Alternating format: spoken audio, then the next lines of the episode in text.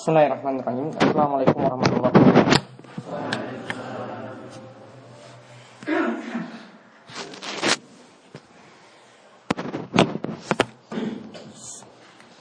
Alhamdulillah Rabbil Alamin Hamdan kasiran tayyiban barakan fih Kama yuhibbu rabbuna wa yardah Wa ashadu an la ilaha illallah Wahdahu la syarika lah Wa ashadu anna muhammadan abduhu wa rasuluh اللهم صل على نبينا وسيدنا محمد وعلى آله ومن تبعهم بإحسان إلى يوم الدين.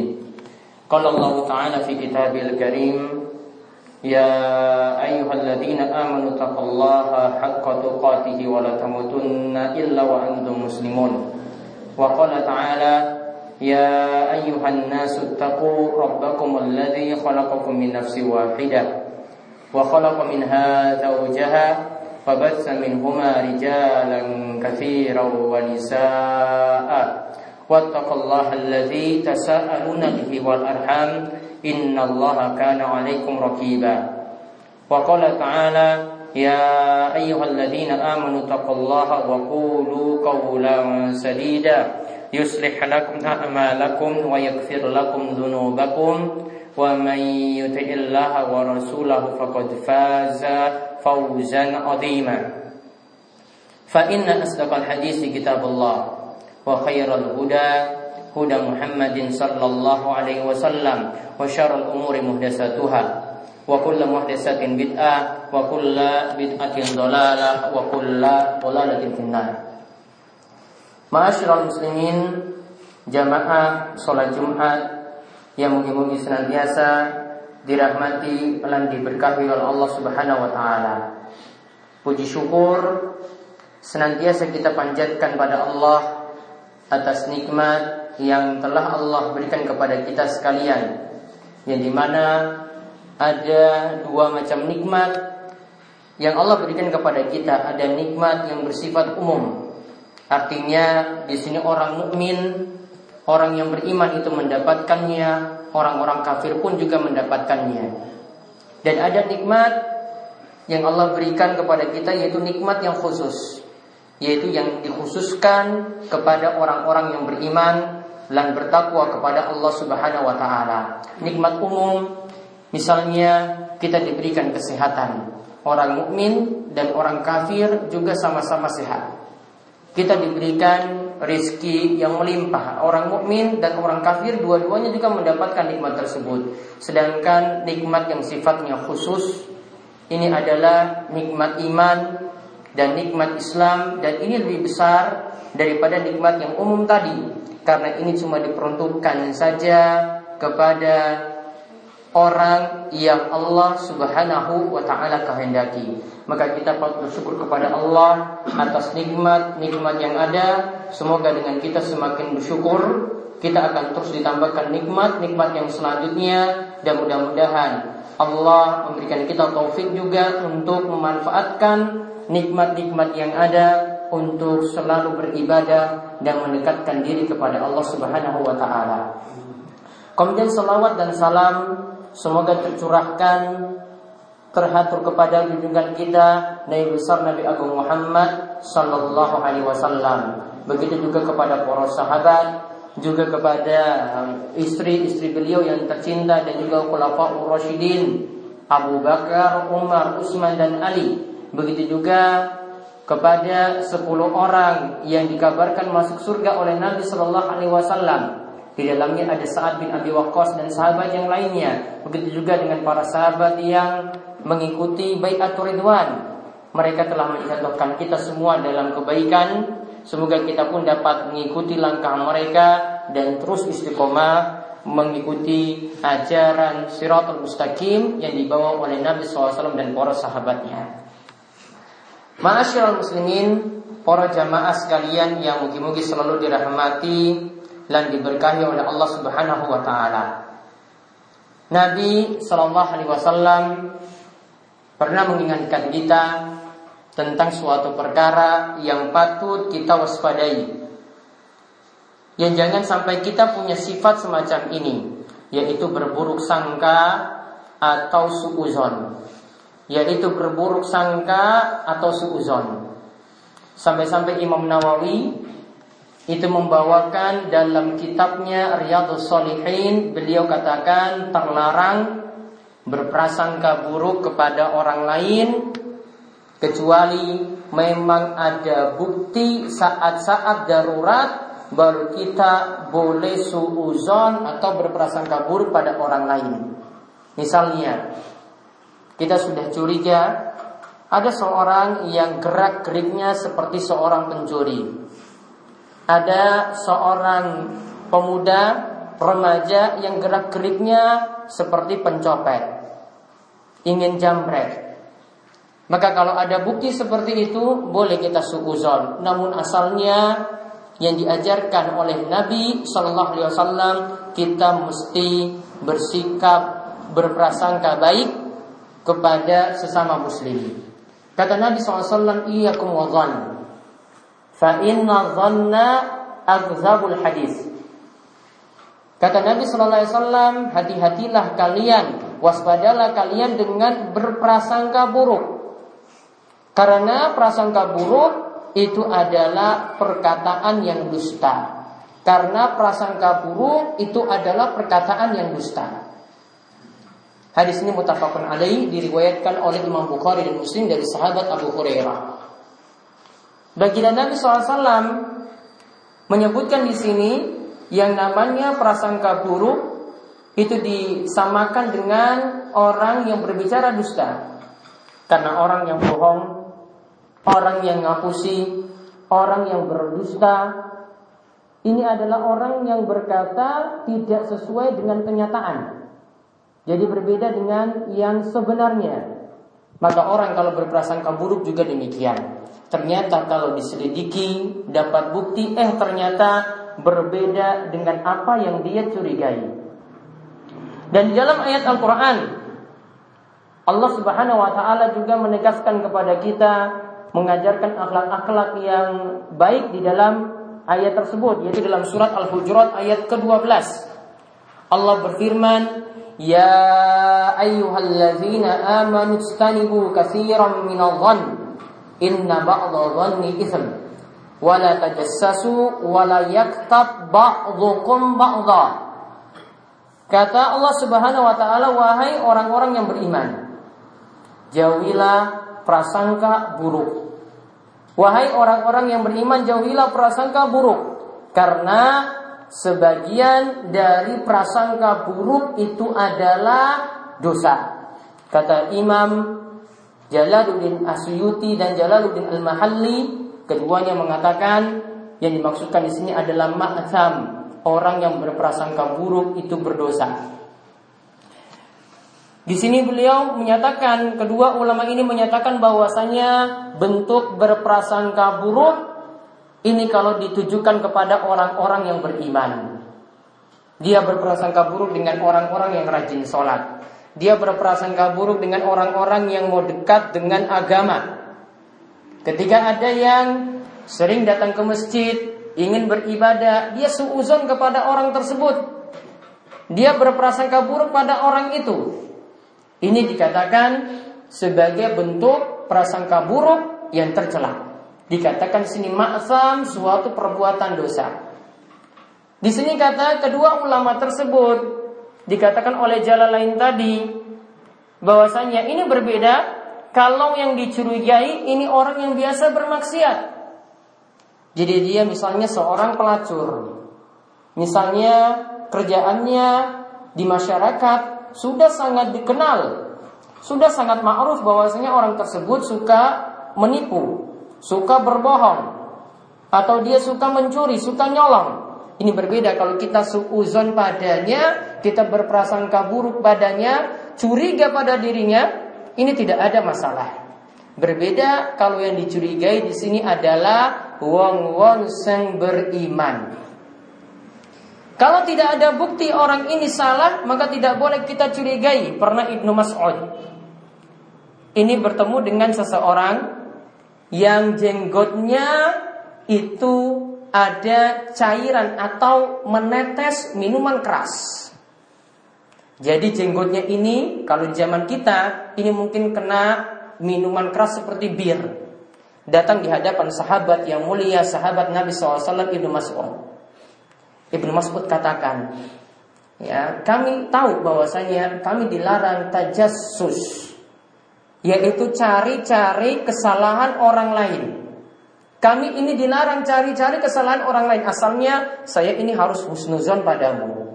Namun karena kamu nampaknya di jenggotmu ini ada minuman keras, ada tetesan khamar, maka saya patut curiga kepadamu. Kamu patut untuk ditindak.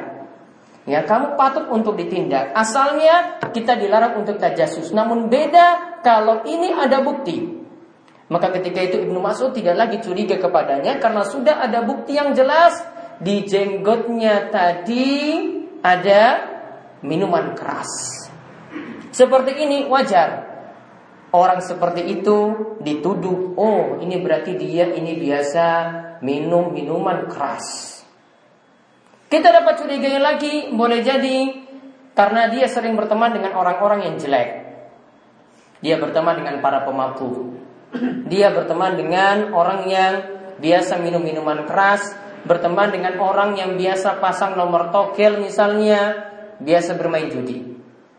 Kalau dia sering ngumpul-ngumpul dengan orang semacam itu, kita bisa curigai dia punya sifat yang sama. Karena bagi Nabi, Nabi SAW itu pernah mengatakan, Unduru, ya, lihatlah ilama yukhallil. Siapa yang menjadi teman karibmu? Setiap orang itu mesti menyelidiki atau mesti memeriksa siapa yang jadi teman karibnya. Itulah yang boleh dia jadikan teman dekat. Maka Nabi SAW katakan falyansur ilama yukhalil. Ya, lihatlah siapakah yang menjadi teman dekat kalian. Karena sebagaimana dikatakan oleh orang Arab yang namanya teman dekat satu dengan yang lainnya itu nanti yak tadi. Keduanya itu akan saling mengikuti. Seperti korin, sebagaimana orang yang selalu berpasangan terus ditemani terus. Yang satu dan yang lainnya pasti nanti akan sama. Oleh karena itu Nabi SAW pernah menceritakan tentang orang yang membawa minyak misek. Kita paling bagus berteman dengan orang yang membawa minyak wangi seperti ini. Kalau kita tidak diberi cuma-cuma, kita nanti bisa beli dari dia, atau mungkin kita kecipratan bau wanginya. Dan Nabi SAW itu nyatakan janganlah berteman dengan nafikhul kir yaitu dengan pandai besi. Karena kalau pandai besi kita bisa jadi baju kita ini gosong terbakar. Boleh jadi juga dengan dekat-dekat dengan pandai besi tadi kita dapat bau yang khabitha, bau yang tidak enak. Maka kita bisa curiga pada orang lain juga dilihat dari teman dekatnya. Kalau dia berteman dengan teman yang jelek, kita dapat juga mencurigainya karena teman yang satu dan teman yang lainnya bisa saling berdekatan seperti itu. Namun asalnya sesama muslim tidak boleh saling curiga satu dan yang lainnya. Terhadap makanan saja Nabi SAW itu pernah mengajarkan kepada kita ketika di antara para sahabat itu mendapatkan daging dan tidak diketahui kalau daging ini dibacakan bismillah ataukah tidak. Maka saat itu para sahabat bertanya pada Nabi SAW, bolehkah kami memakan daging ini? Maka Nabi SAW itu menyatakan, silakan kalian itu makan. Ya, fakuluhu wasamu alaih. Makanlah dan sebelumnya bacalah bismillah. Fakuluhu wasamu alaih. Makanlah daging tersebut, tidak perlu khawatir itu dibacakan bismillah ataukah tidak, Bacalah bismillah ketika di awalnya. Artinya kalau kita berada di tengah-tengah kaum muslimin terhadap daging mereka, jangan terlalu kita menaruh curiga.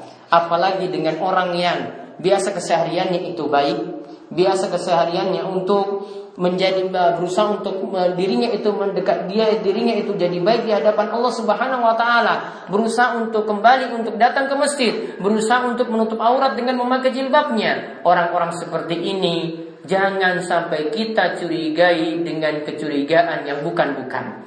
Sebagian orang menisbatkan atau menggelari orang yang biasanya berjenggot atau orang yang biasanya uh, memakai jilbab itu bisa dicurigai teroris, biasa pasang bom atau mungkin dicurigai dengan isu-isu saat ini yaitu dengan isu ISIS. Ya, dengan golongan ISIS yang dikenal sangat kejamnya. Ini penggelaran yang tidak pada tempatnya. Ingat kata Allah Subhanahu wa taala tadi, ya ayyuhalladzina amanu stanibu katsiran minadh Wahai orang-orang yang beriman, jauhilah curiga-curiga yang jelek. Tadi kata Imam Jalalain itu apa? Jangan curigai orang-orang beriman ya yang di mana mereka itu mau beribadah pada Allah Subhanahu wa taala. Kalau mereka itu adalah orang-orang yang baik, Biarkanlah mereka beribadah dan biarkanlah mereka ingin menjadi lebih baik daripada yang sebelumnya. Aku luka hadza wa astaghfirullah li wa lakum wa muslimin innahu huwas samiul alim.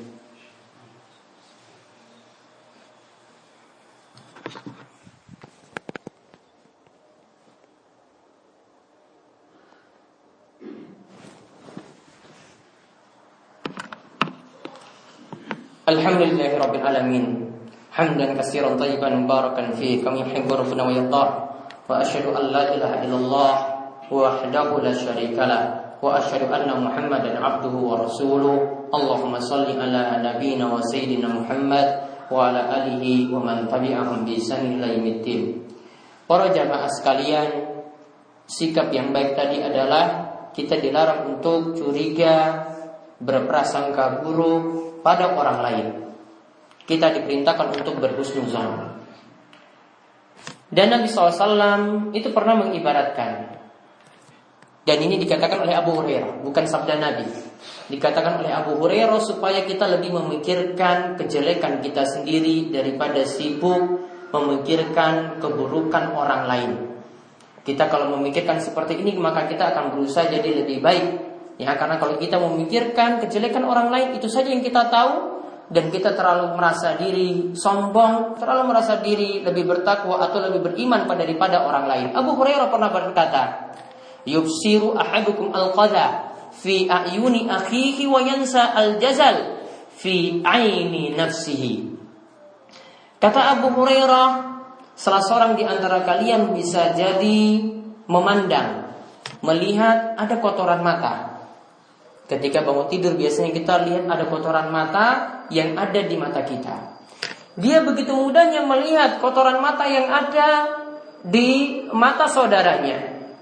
Namun dia melupakan kata Nabi kata Abu Hurairah dia melupakan sebuah kayu besar yang ada di pelopak matanya. Ada sebuah kayu besar yang ada di pelopak matanya. Apa yang dikatakan Abu Hurairah ini mirip dengan peribahasa yang sering kali kita dengar semut di seberang lautan nampak. Sesuatu yang kecil itu nampak, namun sayangnya gajah di pelupuk mata tak nampak. Inilah biasanya sikap kita kepada orang lain. Kesalahan orang lain itu selalu dibesar-besarkan bagaikan kayu, ya bagaikan tadi kotoran mata yang ada di mata dia selalu dibesar-besarkan. Padahal kita cuma tahu sebesar itu saja. Sedangkan aib kita, kejelekan kita sendiri tidak pernah dipedulikan. Tidak pernah berusaha untuk jadi diri lebih baik. Ya, seringnya menjelek-jelekan orang. Orang lain berusaha untuk rajin datang ke masjid. Dia tidak pernah datang ke masjid. Orang lain diomongkan terus. Di antara istri tetangga ada yang memakai jilbab, ada yang ingin menutup auratnya, diomongkan lagi, padahal istrinya tidak bisa seperti itu merasa dirinya lebih baik daripada orang lain dan selalu menaruh curiga. Ingat, sikap kita adalah lebih baik memikirkan aib sendiri daripada sibuk memikirkan aib orang lain. Mudah-mudahan Allah Subhanahu wa taala memberikan kita taufik dan hidayah supaya bisa menjadi lebih baik dan juga bisa memperbaiki keadaan keluarga kita dan keadaan istri kita, anak-anak kita dan orang-orang sekitar kita dan semuanya tatanan masyarakat kita menjadi baik semuanya dan akhirnya mendapatkan keberkahan rizki dari Allah Subhanahu wa taala. Di hari Jumat yang penuh barokah ini ya kita diperintahkan untuk bersalawat kepada Nabi sallallahu alaihi wasallam dan siapa yang bersalawat kepada beliau sekali maka Allah akan membalas salawatnya sebanyak 10 kali. Inna Allah inna Allah wa malaikatahu shalluna 'alan nabi Alaihi wa sallimu taslima. Allahumma salli ala Muhammad wa ala ali Muhammad kama sallaita ala Ibrahim wa ala ali Ibrahim innaka Hamidul Majid. Allahumma barik ala Muhammad wa ala ali Muhammad kama barakta ala Ibrahim wa ala ali Ibrahim innaka Hamidul Majid.